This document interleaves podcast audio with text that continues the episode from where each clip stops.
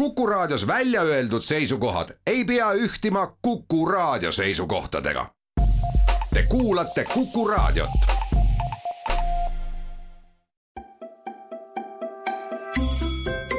haridusmõte tere õhtust, head Kuku raadio kuulajad, eetris on Haridusmõte ja stuudios on saatejuhid Indrek Ojamets ja Kristel Rillo. täna räägime gümnaasiumiõpilaste haridusrändest ja seoses sellega uurime ka, kas pisikesed maagümnaasiumid surevad välja ja meile on külla tulnud täna stuudiosse Haridus- ja Teadusministeeriumi haridusjuhtimise ja õpetajapoliitika valdkonna juht Heidi Uustalu, tere! tere! ja Skype'i teel on meil ühendus mõttekoja Praxis haridusanalüütiku Meeli Murassoviga, tervist! tervitused Tartust! aga siis nüüd meie tänase teema juurde, et räägime rohkem sellest, mis toimub põhikooli järgselt ja, ja, ja mis toimub meil õpilaste rändega, sellise popi sõnaühendusena. aga, aga selleks kõigepealt häälestumisel, mille järgi täna valivad põhikooli lõpetajad oma edasise õpitee, et kus õppida? Heidi. ma ilmselgelt noh, ei ole nagu ähm, valija rollis, et äh, ma saan siis äh, peegeldada neid äh, teadmisi ja, ja võib-olla oma seisu, oma arvamust selles. et kindlasti on üks, ähm, on see huvi, et põhi, et mis, mis on siis see sügavam huvi põhikooli lõpuks välja kujunenud ja millest siis tahaks see põhikooli lõpetaja nagu lisa saada sealt gümnaasiumiastmest, mis on see tema fookus, mis, milles on tema tugevused, kus ta tahaks siis leida omale nagu selle uue väljakutse. see on, see on kindlasti üks midagi ei saa teha, natukene on ka ilmselt siin sellist mugavusvalimit, et eh, kus ma võib-olla nagu lihtsamalt eh, läbi saan, kindlasti on üheks põhjuseks ka nii-öelda see sotsiaalne pool, eh, taust, et mis, missugune on üldse võimalik mul näite- või, või kas mul on võimalik minna kodust eemale, kas ma saan nagu valida tegelikult selle järgi, mis ma tahan, või ma pean tegema selle valiku selle järgi, noh, mis mul on võimalik valida. Siis ma, ma, ma usun küll, et meie põhikooli lõpetaja on täna nii tark, et ta ikkagi eh, oma esmase valiku teeb selle järgi, et mis on see, mida ma tahan, milles ma tahan edasi, mis on see minu huvi, mis on see valdkond, mis mind köidab, ja siis edasi tulevad juba sellised langevas trendis sellised võimalusel põhinevad. aga Meeli, on sinul midagi siia lisada, et mille järgi põhikooli õpeta-, põhikooli lõpetaja enda sellise edasise koolitee valib? No selles mõttes on Heidil kindlasti hästi õigus, et ka kõik uuringud, mis on, mis on käsitlenud seda, et et kuidas või mille alusel oma edasiõppimisvalikuid tehakse, siis see huvi aspekt on alati see olnud, mida, mida ka need noored ise on välja toonud, et, et miks on just üks või teine, teine valdkond valitud või üks või teine õppeasutus, siis, siis see, et, et mul on huvi selle, selle äh, mingi konkreetsema eriala, õppesuuna, valdkonna vastu, et, et see on, see on kindlasti see, see üks olulisemaid asju. Aga, aga põhikooli lõpus on kindlasti ju see, et, et õpilasel on võimalik teha, teha päris päris olulisi otsusi oma tuleviku osas, juba, juba see, et kas ta läheb gümnaasiumisse või ta otsustab valida äh, kutsehariduse, kas ta näeb, et ta tahab kiiremini jõuda tööle, saada iseseisvaks või ta ikkagi näeb, et ta kõigepealt lõpetab gümnaasiumi ja, ja teeb siis peale seda alles selle eriala valiku. nii et ka see selline tulevikuperspektiiv, et kus ta ennast nagu tulevikus näeb, ka see tegelikult äh, mängib, äh, mängib olulist rolli aga kas äh, Praxise poolt on rohkem võib-olla analüüsitud ikkagi neid tagamaid, et et äh, olles ise ühe põhikooli lõpetaja ema rollis, eh, siis äh, väga palju on ikkagi ju võimalik kodudel mõjutada või vanematel mõjutada ikkagi selline kodulähedus on oluline, et äh, et kas see huvi on küll ilus vastus. Et noh, et minna kuskile, kus kohas pakutakse rohkem, ma ei tea, on siis IT-d või siis tahaks kokan-, kokaks õppida, aga kas need peamised põhjused ei ole ikkagi pigem sellised sotsiaalsemad ja perekondlikumad? no see, kust inimesel need huvid äh, tekivad, tegelikult ma arvan, et seal mängib ka see perekondlik taust, see, millega su vanemad tegelevad, millega võib-olla su vanemad õed-vennad on ennast äh, sidunud, et kõik see tegelikult mõjutab, äh, mõjutab kindlasti ka seda noort inimest. aga kui on nüüd rääkida küsitlustest ja uuringutest, siis tegelikult noored ise seda väga ei, ei tunnista, et neid mõjutaksid äh, ka sõprade soovitused, äh, vanemate soovitused, võib-olla õpetajate, karjäärispetsialistide soovitused et, et pigem nad äh, ikkagi ise, ise ütlevad, et jah, et nad teevad ise selle valiku, nad ise kujundavad enda tulevikku, aga, aga noh, seal taustal kindlasti see, see perekondlik äh, taust mängib äh, rolli, et seda ma kindlasti ei, ei, ei ütleks, et see, see kuidagi väheoluline on. jaa, ma olen sellega nõus, kui olles veel koolijuht, ma nägin ka, et et vahel oli nii, et vanemate soov oli oluliselt suurem kui, kui laste soov ja kahtlemata see mõju on seal olemas. aga mis ma noh, eile natukene vaatasin numbritele ka otsa, millega mu head töökaaslased mind varustasid, et siis ma leidsin sellise huvitava mustri, et kui gümnaasiumis jätkajaid on rohkem Tartus, Tallinnas ja saartel, siis äh, kutse poole peal jätkajaid on rohkem näiteks Ida-Virus ja Valgamaal, et minul tekkis küll väike selline soov nagu põhjalikumalt teada saada, et kas, kas, kas on äkki kuidagi Ida-Viru ja Valga natukene seal üleval ka see keele küsimus, et siis eh, mõnes mõttes nagu eh, sunnitud eh, valik, et et see tasuks kindlasti, kuna siit selline väike muster välja joonistub, et siis siis tasuks äh, selle peale mõelda.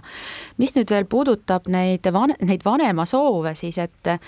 et kui, kui, kui õppija jätkab oma õpinguid äh, kutsekoolis, siis see reeglina ei ole kodulähedane ja, ja see justkui ei ole probleem. et seda kodulähedust ei oodata, et siis on laps valmis, ta võib minna, aga kui noh, gümnaasiumis jätkata, siis kuidagi kerkib see argument hästi üles, et see peab olema lähedal, see peab olema mugav, see peab olema kodulähedane, et et ühel hetkel me tahame, et see äh, põhikooli lõpetaja on hops täiskasvanu, aga siis äh, gümnasistidega, et äh, nendele peab siis jätma nagu kasvamisaega veel, et. Aga siit küsiks just nimelt gümnasistide poole pealt, et kas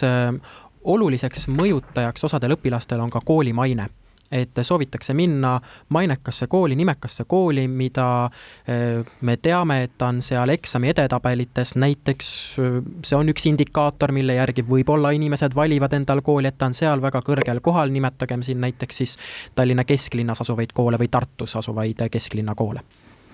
Jaa, no me näeme ju, eh,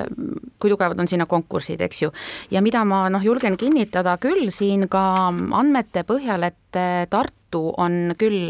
Tartumaa, ehk siis eelkõige Tartu linn ja Nõo on need nii-öelda ähm, gümnaasiumihariduse tõmbekeskused. aga mm, kui ma nüüd vaatasin eelmise aasta seda rahulolu uuringut, siis, siis jah, maine on tähtis ja, ja üle kolmesaja õpilasega gümnaasiumites hindavad ka need seal juba õppurid eh, seda mainet oluliselt paremaks ja eks need ju äh, need nii-öelda jutud liiguvad ju omavanuste hulgas ka, nii et see, see kindlasti, et nemad ise hindavad oma kooli mainet kõrgemalt kui, kui need väikeste gümnaasiumite õppijad, siis noh, järelikult see mõjutab ka järgnevate valikuid, ma olen sellega nõus. No üks variant on kindlasti see rahulolu ja teine on need õppetulemused, et kas me tegelikult oleme seda, kas me omame seda pilti, et tõesti selliste väiksemate ja võib-olla ähm, vähemate õpilastega maakoolides, noh, räägime siis gümnaasiumitest äh,, on see tulemuslikkus nii-öelda nagu nõrgem kui siis nende tõmb, hariduse tõmbekeskuste tulemuslikkus ma ei, ma ei taha kuidagi täna nende edetabelite peale jälle minna, eks. nimetasin iga... rahulolu ka, eks ole, et see on selline nagu parem vaade et eks me korra aastas neid ju kõiki näeme ja me näeme, kes, kes seal eesotsas on ka ja noh, aeg-ajalt satub ju sinna etteotsa ka neid väiksemaid, eks ju. aga noh, noh, suur pilt on ikka see, et suured ja tugevad on, on, on pigem seal eesotsas ja eks seda, eks seda muidugi vaadatakse. aga mis veel kord, ma tulen ikka selle rahulolu juurde tagasi, mis minu jaoks oli näiteks väga üllatav avastus, et mida ma ei osanud üldse oodata, et ja mis kindlasti on ka õpitulemustega nagu ju väga seotud, et need väikeste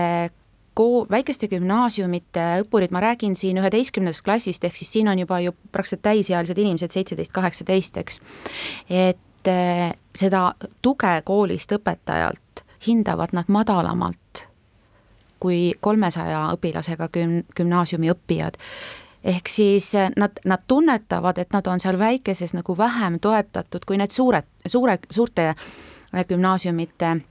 õppijad tunnetavad, et nende jaoks on olemas keegi, kelle poole pöörduda, et nad saavad õpiabi, et see oli minu jaoks väga üllatav. et see vahe on, on seal täiesti olemas. Meeli, on äh, sinul lisada midagi teemal sellisest suurkool versus väikekool ja nii edasi? Kui nüüd rääkida ka veel sellest põhikooli lõpetajast ja see, kuidas ta seda otsust teeb, siis, siis kindlasti, kuna minu peres on ka just parasjagu üks, üks põhikooli lõpetaja ja, ja, ja teine laps tegi selle valiku mõned aastad tagasi, siis, siis see, see koolide nagu taseme või tugevuse kaalumine, et noh, see on kindlasti ikkagi oluline, et, et ikkagi õpilaste või noorte seas on noh, siin Tartust rääkides ikkagi selline, selline koolide mingi omavaheline äh, Äh, hierarhia või selline, et, et mis on nagu sellised ägedamad koolid, kuhu ikkagi rohkem tahetakse saada, et, et see on täiesti äh, tuntav. aga mis puudutab äh, maapiirkondi, siis, siis mulle tundub, et seal on päris sageli ka ka kuna need äh, katsed ju toimuvad näiteks siin Tartus ka ühiskatsetena, siis, siis maapiirkonna noortele on võib-olla vahel ka minnakse lihtsalt huvi pärast nendele katsetele, et nii-öelda testida oma taset. sest noh, minu enda taust on ka selline, et ma olen lõpetanud sellise keskkooli, mida täna enam, täna enam ei ole, mis oli ka Kesk-Eestis ühes, ühes väikeses, väikeses alevis ja, ja ma väga hästi mäletan seda tunnet ise küll, küll keskkooli lõpus, et, et noh, et siin ma sain nüüd üpris nagu hästi hakkama, aga et kas sa tegelikult et noh, et kuidas ma teistega võrreldes ikkagi olen, et milline see mu tegelik tase on, et kas ma, kas ma pääsen edasi õppima ja nii edasi. nii et, et kui ma ise käisin mõned aastad tagasi ühe uuringu raames rääkimas äh, Räpina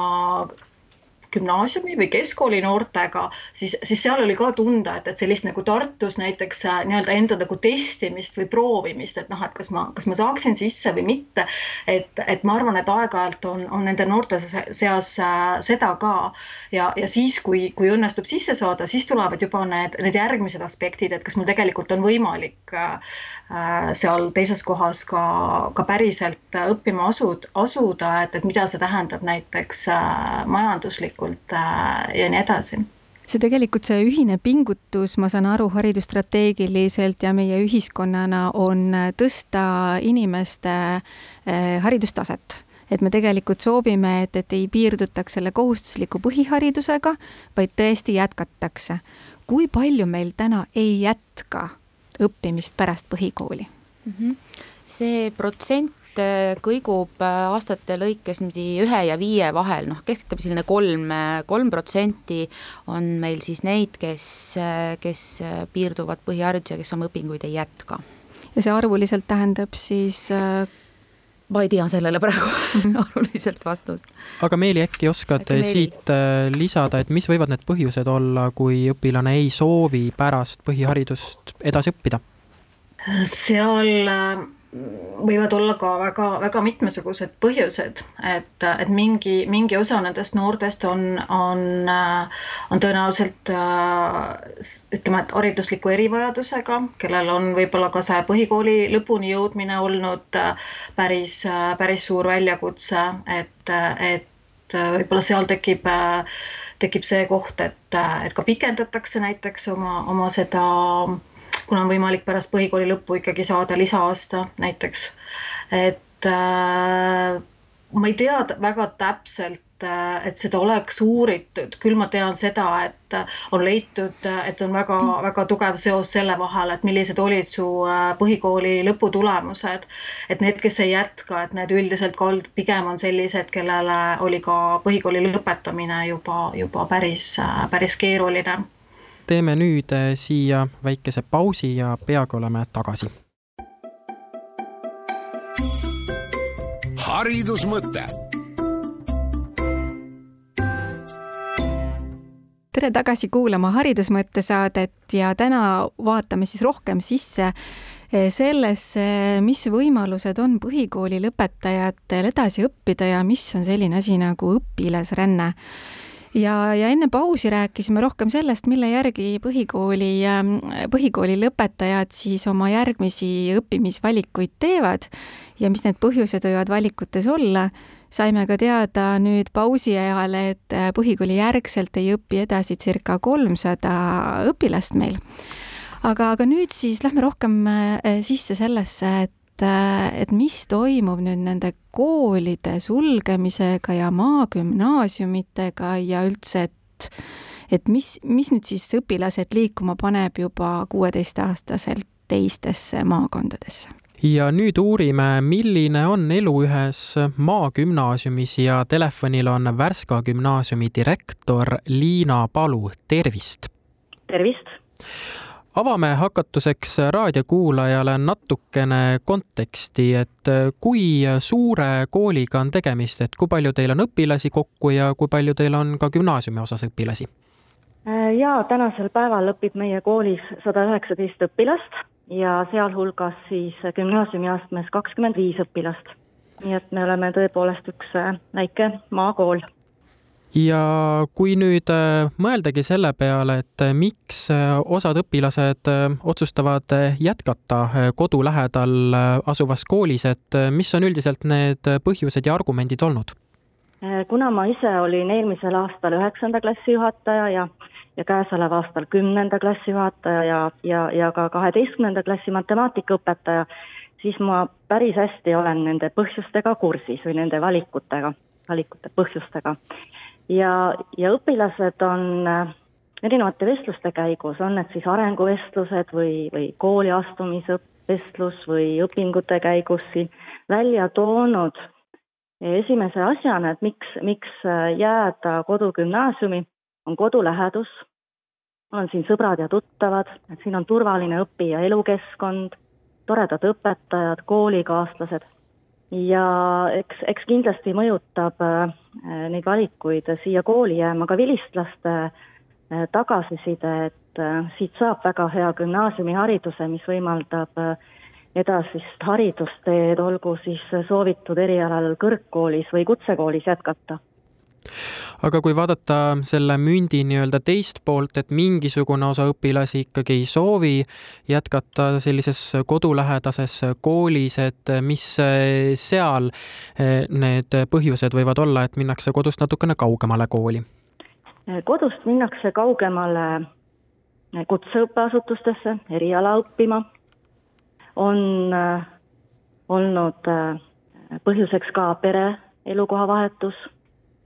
nüüd teise gümnaasiumi äh, minnakse pigem süvendatud äh, huvi tõttu mingi valdkonna vastu, näiteks reaalained ja IT. aga ka noh, peretraditsioonide tõttu, et minu, minu ema või isa või vend, õde õppis seal ja ja meil on traditsioon, et ka, et ka mina lähen siis sinna õppima. tegelikult äh, väga suur põhjus või on ka või tegur või argument, miks minnakse äh, mujale õppima, on see, et ma tahan ära oma elu peale minna, vanemate juurest kaugemale, et nii nagu minu enda üheksanda klassi õpilastest eh, kaks õpilast tublit ütlesid, õpetaja, me tahame proovida iseseisvat elu elada. nii et see, eks see elu eh, õpilaskodus või üürikorteris ja eks, eks see ka tõmbab, et see põnevus kuivõrd äh, gümnaasiumi osa on teil ka üsna äh, äh, väike, kakskümmend viis, kui ma ei eksi, on mm -hmm, jah ja., et kuidas selle gümnaasiumi nii-öelda tulevikuga on, et kas praegu on nii-öelda tulevik elujõuline või siitpoolt on signaal, et tahetakse kinni panna? jah, et Haridus- ja Teadusministeerium on sellise signaali andnud, aga, aga meie, meie Setomaa valla vallavanem ja on nagu seisukohal, et, et kindlasti me jätkame gümnaasiumina ja ja eks meie klassid on, on väikesed küll siin, siin kümme, üksteist õpilast kümnendas klassis, ühe, kaheteistkümnendas klassis ja üheteistkümnendas klassis vähem. aga, aga altpoolt on siiski tulemas ja need väikesed klassid on tegelikult ühtepidi ka eelis, nii et mida need õpilased on ka esile tõstnud, on, ongi see, et siin on väikesed klassid, me oleme rohkem märgatud, rohkem toetatud, et on võimalik õpetajate pool enam individuaalset lähenemist, arvestatakse õpilaste eripäradega ja huvidega rohkem, nii et et, et see on nagu, see on nagu jah, selline positiivne asi õpilaste arvates ja ma saan aru, et selliseid väärtusi, mida üks selline väiksem kool võib endas kanda, on üsna hulga, kui konkreetselt teie kooli näitel tuua, siis üks oluline väärtus teie koolil on see, et äh, seal pööratakse rohkem tähelepanu ka seto kultuurile, kui seda teistes koolides äh, Eestimaal näiteks, seepärast et te olete ju ikkagi Setomaal. Jah, et me oleme uhked küll selle üle, et meie kool asub sellises unikaalses kultuuriruumis, nagu seda on Seto kultuuriruum ja meie üks missioon on ka suunata seda piirkonna eripära meie õpilastes märkama, väärtustama, et seda seto keelt ja kultuuri tundma õppima. et selleks on meil suurepärane võimalus korraldada õppekäike meie piirkonna loodusesse, muuseumidesse meil on gümnaasiumis valikkursus pärimusõpetus ja kuna meie gümnaasiumi astmes ei õpi ainult äh, Värska aleviku või selle lähipiirkonna õpilased või, või, või Setomaa õpilased, aga ka õpilased väljaspoolt Setomaad, näiteks Räpinast, Vilustest, siis äh, nemad on just toonud esile, et, et aga meie teame, mis asi see set-, kes, kes on seto, mis see seto kultuur endast kujutab, kes on seto ülemsootska millised on Setomaa traditsioonid, et me oleme nagu selle võrra teistest äh, rikkamad. Ja, ja pärimusõpetus on siis väl-, valikkursus meil gümnaasiumiastmes kolmekümne viie tunni ulatuses, et õpet-, õpetat-, õpitakse seto keelt ja kultuuri tundma, aga meie gümnasistid on valinud igal aastal, keegi neist on valinud siis endale uurimustöö objektiks või praktilise töö objektiks ka mingi seto teemalise töö, nii et nii on uuritud erinevate seto kultuuritegelaste elulugu ja loomingut, no näiteks tuntum siin kindlasti luuletaja Paul Haavaoks, aga ka seto lauluema Kati Lummo või praktilise tööna on valminud seto rahvarõivaste komplekt, seto naise ehte komplekt, äh, nüüd äh, käesoleval aastal õpilane esitles suitsusauna maketti, nii et see kõik on olnud väga, väga nagu toe-, huvitav õpilaste endi jaoks kuulata ja vaadata, mida, mida kaasõpilased teevad, ise, ise uurida ja nii et kohalikku kultuuri seote ka õppetööga, aga suur aitäh teile, Värska gümnaasiumi direktor Liina Palu, et leidsite aega anda intervjuud. me kuulsime nüüd sellest intervjuust parajat müüdimurdjat, et mit-, et mida me, mida me pigem kuuleme täna igalt poolt, et tänased noored ei ole võib-olla eh, piisavalt iseseisvad. Ja kui nüüd ühe põhjusena, sellise natuke värskema põhjusena tuli, et tahaks üldse tegelikult iseseisvuda ja kodust ära minna.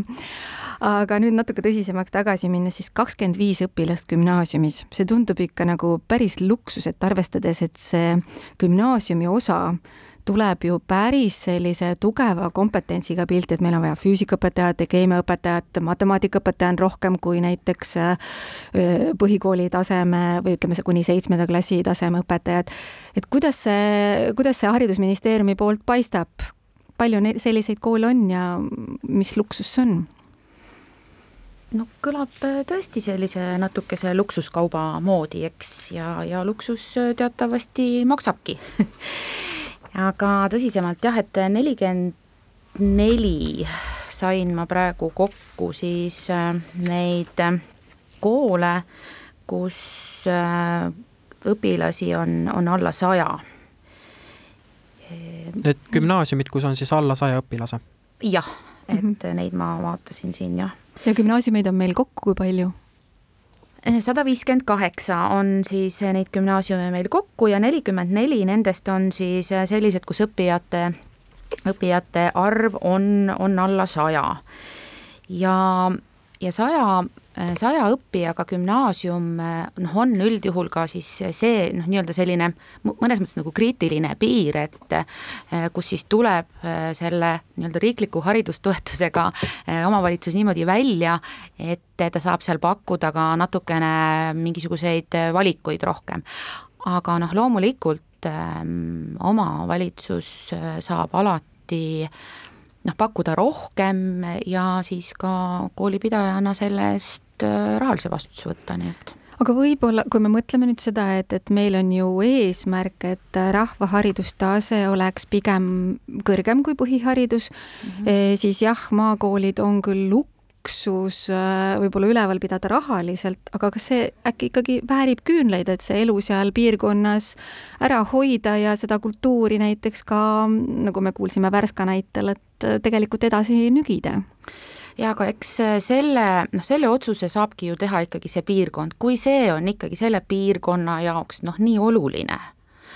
noh, siis nad peavad selle eest seisma, et mingisugust sellist noh, keskmist vaadet või mingisuguse keskmise põhjal noh, öelda, et äh, sina saad ja sina ei saa, et seda kindlasti noh,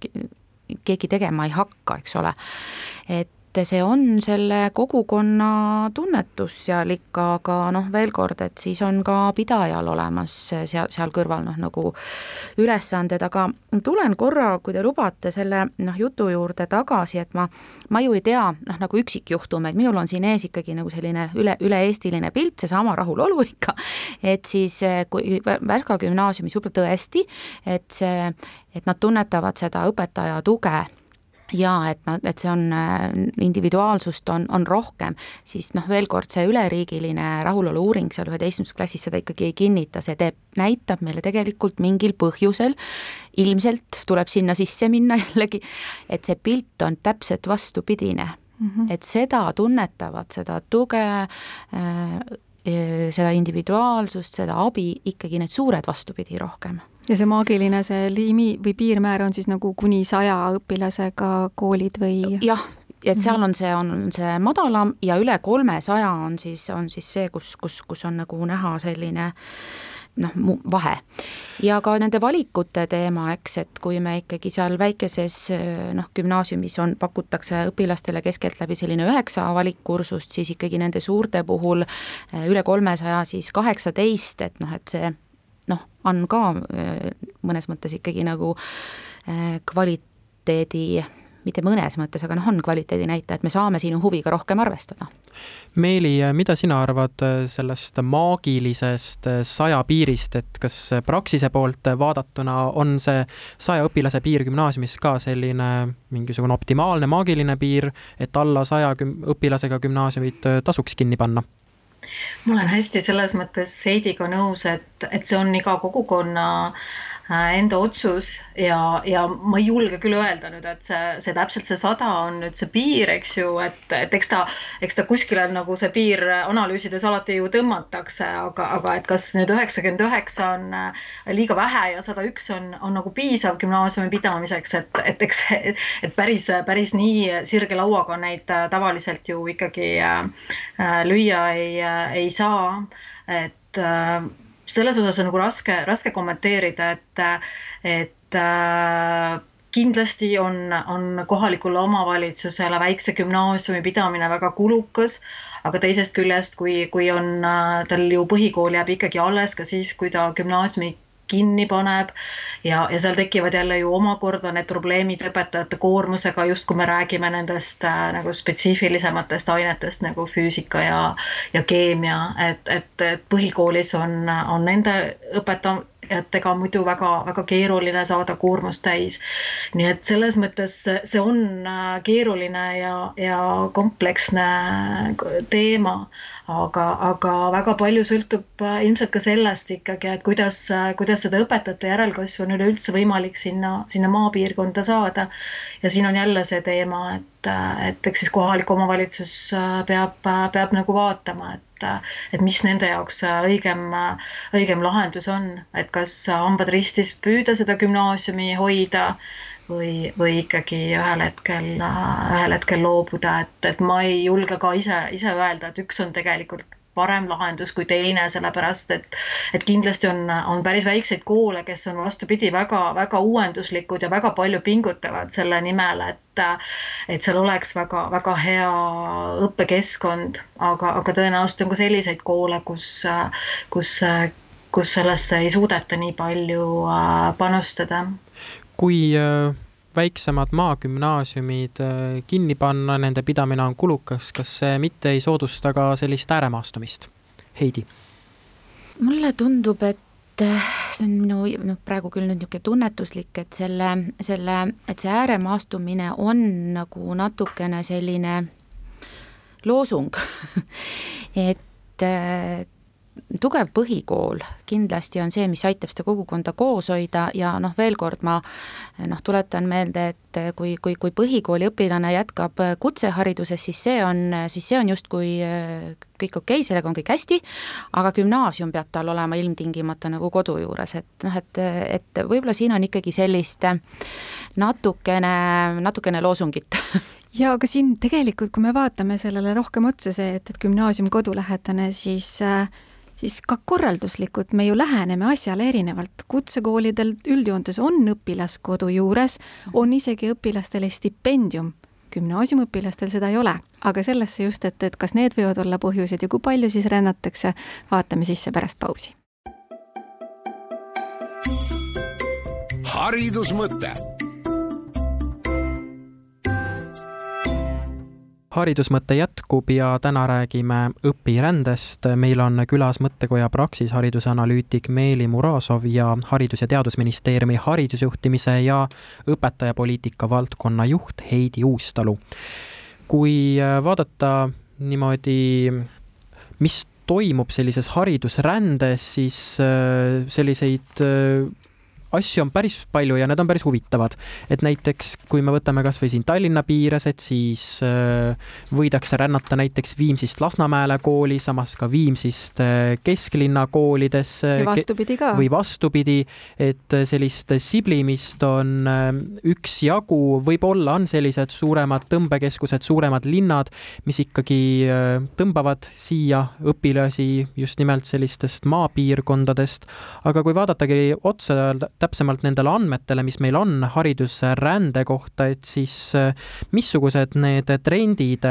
umbes on, et kas liigutakse omavalitsuse sees kuhugi gümnaasiumisse, teise maakonda, suuremasse linna, et missugune siin see seis on? Meeli. võin siin mm -hmm. ja ma võin kohe siin äh, arvudega, arvudega, arvud lauda tuua, et, et kui põhikooli lõpetab meil äh, siin viimastel aastatel veidi alla kolmeteist tuhande noore, siis tegelikult äh, kõigest veerand on neid, kes, kes pärast põhikooli üldse kooli ei vaheta, kes jätkavad samas, samas koolis. et arvestades seda, et koolivõrk on, on siin viimaste aastate jooksul päris palju äh, ümber korraldatud, et ikkagi äh, päris palju on gümnaasiumi astmega koole muudetud põhikoolideks, siis tegelikult äh, ligi üheksa tuhat noort igal aastal on selliseid, kes, kes lähevad gümnaasiumisse või kutsekooli, et igal juhul ei, ei jätka samas koolis. nüüd see teise, teise maakonda minek, et seda niimoodi Eesti pealt äh, suures pildis vaadates, et ega seda nagu nii palju ei olegi, et seda on umbes kümnendik nendest noortest, kes siis äh, lähevad nii-öelda kodumaakonnast välja, aga, aga seal äh, omavalitsuse sees või oma maakonna sees on, on seda liikumist, äh, on tõesti päris palju. aga, aga mis mis on äh, nüüd, äh, et kui ma ütlesin, et, et sellist äh, teise maakonda liikumist on üld Eesti pilti tervikuna vaadates vähe, siis kui me nüüd läheme detailsemaks erinevaid Eesti piirkondi vaadates, siis, siis see pilt tegelikult on hästi-hästi kirju ja, ja väga selgelt joonistub välja see, et, et sellistest suurtest, suurtest tõmbekeskustest või nendest maakondadest, kus on väga suured tõmbekeskused, Harjumaa, Tartumaa, Ida-Virumaa, Pärnumaa, et sealt mujale Eestisse tegelikult väga palju ei liiguta.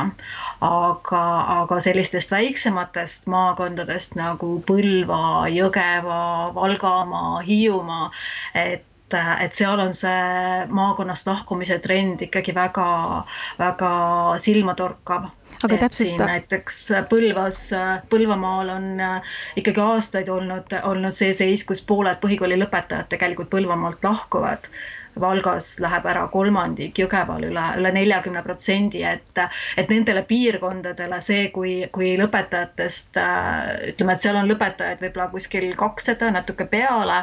kes põhikooli lõputunnistuse saavad, et kui, kui sada noort igal aastal ära läheb, et, et sellele piirkonnale on see kindlasti tegelikult kaotuseks. et siis, kui sa alustasid sellega, et, et tegelikult liigub ainult kümnendik, siis eh, see number ei tähenda ju mitte midagi, sest eh, see tasandubki justkui ära nende suurte tõmbekeskuste mitteliikumisega. aga vaatasin korraks ka ajalukku tagasi, et kuidas see trend on muutunud, et kümme aastat tagasi oli see nõksa rohkem, kolmteist protsenti oli see, kes vahetas omavalitsust pärast põhikooli oma õppimisvalikutes. kuidas Haridusministeeriumi poolt need trendid paistavad? trendid siis, et oskan ma neile mingit seletust anda, et miks, miks see, miks see jah, miks me oleme jõudnud liikus... niimoodi, et näiteks Valgamaalt ei taheta jääda oma maakonda õppima ja nii edasi? Ma võin võib-olla siia tuua natukene sellist koolipõhist vaadet siis, et et kuna, kuna mul on parasjagu ees ka just, just nimelt see pilt, et, et, et see on ka hästi erinev. et see ulatub siis selleni, et on ainult viis protsenti neid, kes, kes lähevad mujale ja on kaheksakümmend protsenti, kes, kes, kes lähevad mujale mis ma siit, muster joonistub siis natukene selline, et need suure protsendiga on siis ikkagi need, mis asuvad mingisuguse suurema keskuse lähedal. Tartumaa, Pärnumaa, et, et sellised. aga samas on siinsamalt Pärnumaalt nagu üks, üks, üks tore erand, ma ei tea, mis on selle viie protsendi taga, tasuks jällegi vaadata, et, et ainult viis protsenti on äh, neid, kes ära lähevad. Nii et äh, need protsendid on äh, ikkagi kooliti, üldiselt on ikkagi pigem suured kui väikesed ehk siis neid, kes otsustavad jätkata KOV-ist väljas neid on ikkagi rohkem kui need, kes, kes jäävad sisse. aga kui meil on sellist äh, haridusrännet pärast põhikooli lõpetamist, siis äh, mismoodi, kas me jõuame siit tagasi sellisesse vanasse heasse internaatkooli aega, et äh, kui gümnaasium juba asubki kodust kaugemal, olgu see näiteks riigigümnaasium, et kas siis jõuame niimoodi, et aega, kui ikkagi kaugemalt tulnud õpilased jäävad kooli lähedale koolimajja ööseks internaati. pean tunnistama, et äh, ma ei tea sellele sajaprotsendilist vastust. et ma ei näe küll täna seda trendi, et nüüd hakatakse kõikide riigigümnaasiumite juurde internaatkodusid äh, jagama äh, või looma.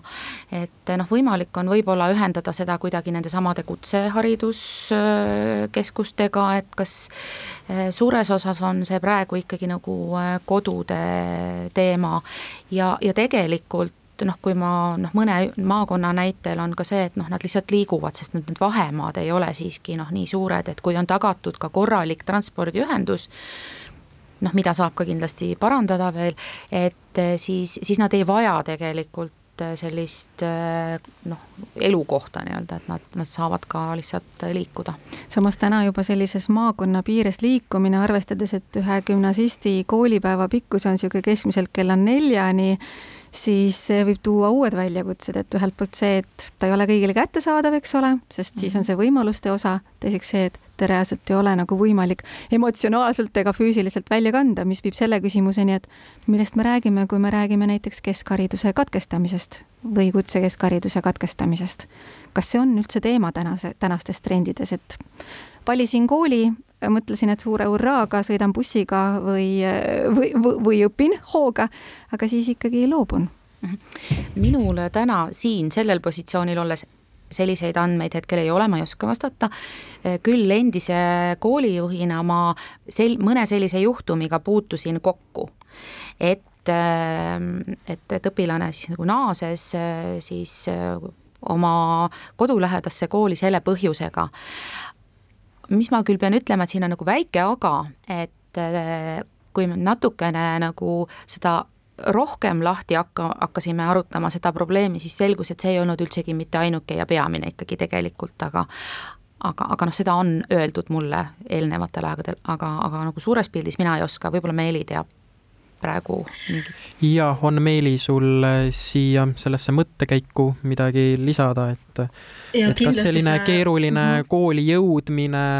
pikk maa, et kas see võib olla üks äh, takistus, et äh, jäetakse kool pooleli ja kas jõuame ka tagasi internaatkooli aega? no kindlasti see uue kooliga kohanemine on, on noorele inimeste, inimesele võib olla päris keeruline, et et uus, uus õppimise korraldus võib olla, uued inimesed, uued nõudmised, ka see võib-olla perest ja kodust eemalolek, et et kindlasti see võib olla mõnel juhul ka see põhjus, miks, miks kool pooleli jäetakse ja, ja, ja väga hea tegelikult on, kui sellisel juhul minnakse tagasi sinna, sinna kodukohta, sellesse, sellesse kooli, mis, mis siis on lähemal. aga, aga siin on ka hästi oluline muidugi, et, et need õppeasutused, olgu nad siis gümnaasiumid või, või, või kutsekoolid, et nad väga palju ikkagi pööraksid tähelepanu sellele, et kuidas see, grupivaim ja, ja koolivaim siis nende, nende uustulnukatega seal koolis, et, et kuidas see tekib, et kõik ikkagi äh, saaksid hakkama. aga jah, neid näiteid kindlasti on ja, ja ma olen kuulnud ka, ka, ka nendest, kus, äh, kus need noored, kes tulevad näiteks äh, põhikoolist, kus see õppekeeleks on olnud vene keel, et kellel näiteks see saab takistuseks gümnaasiumis või, või kutsekoolis koolis, et, et nad ei tule näiteks eesti keeles õppimisega toime, nii et, et neid põhjuseid tegelikult, miks, miks see keskkool võib pooleli jääda või keskhariduse omandamine, et neid võib olla väga erinevaid. aga üks väike võib-olla veel äh, ääremärkus selle kohta, et, et miks siin mõnes maakonnas on see äraminemine äh, Äh, väga selline suur, suur probleem, et, et kui vaadata neid, neid maakondi, mida see kõige rohkem puudutab, siis, siis üheks, üheks iseloomustavaks jooneks on see, et nendes maakondades tegelikult puudub selline laiapõhjaline ka kutseõppe võimalus. et, et noh, nii Põlvamaal, Jõgevamaal, Hiiumaal üleüldse ei ole võimalik pärast põhiharidust praegu enam kutsekooli minna. et, et nendes maakondades on väga sellised spetsiifilised kutseõppeasutused, et, et Jõgevamaal siis Luua metsanduskool, Põlvamaal Räpina aianduskool, et